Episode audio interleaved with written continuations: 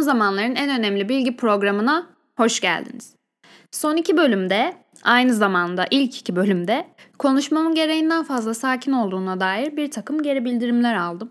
Kimisi uykusunun geldiğini iddia etti, kimisi de ses tonumun ağlayan küçük bir çocuğa benzediğini söyledi. Burada katılmadığım pek çok nokta olsa da sakinliğin bazılarınızın sinirini bozmuş olabilir.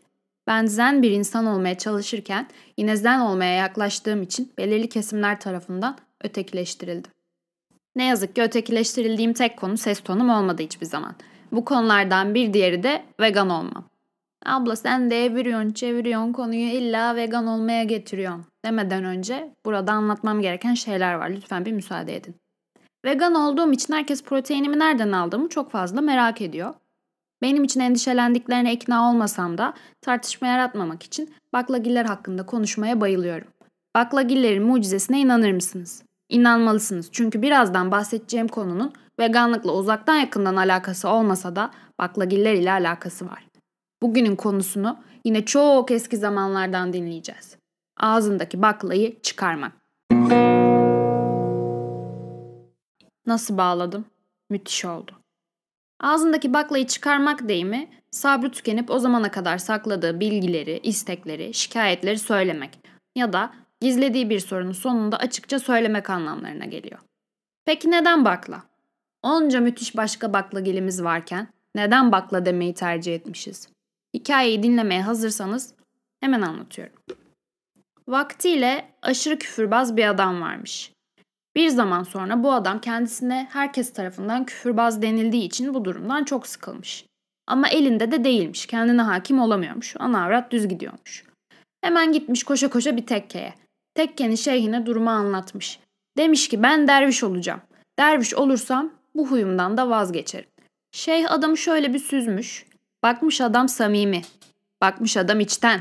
Gitmiş bir avuç bakla getirmiş. Baklaları bir güzel okuyup üflemiş, müstakbel dervişin avucuna bu baklaları bırakmış.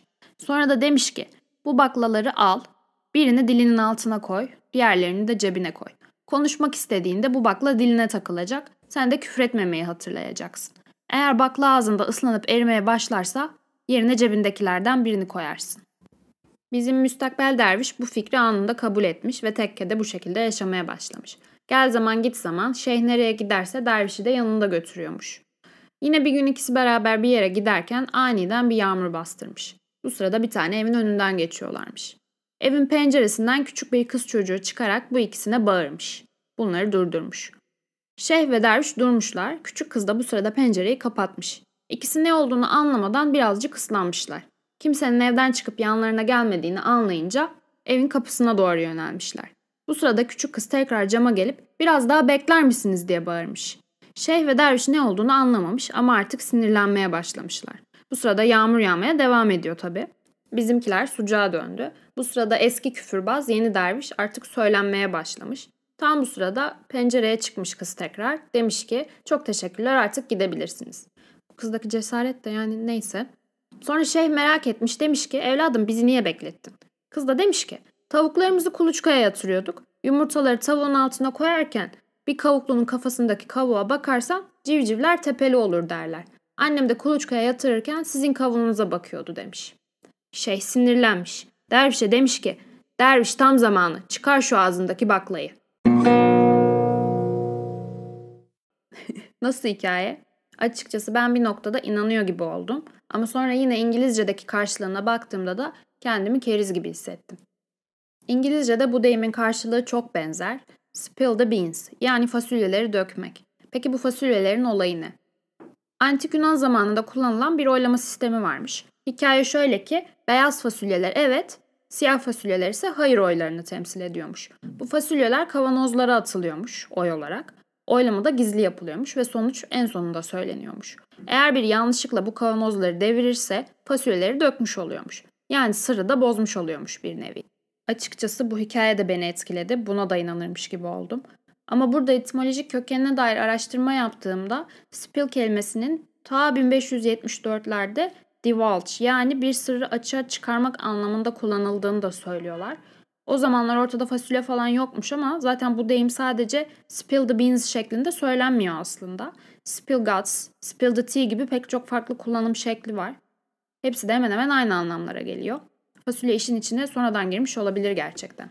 Ama Türkçedeki hikayeyle alakalarının hiç olmaması, yine de neredeyse aynı şekilde dile geçmiş olması bence biraz komik. Türkçedeki hikayeyi düşündüğümüzde bir de bizde ağzında bakla ıslanmamak diye bir deyim var. Yani bu adamın ağzına bakla koyduğunu da biliyoruz. Hatta şey dedi ki hatırlayın ıslanıp erimeye başladığında yenisiyle değiştir.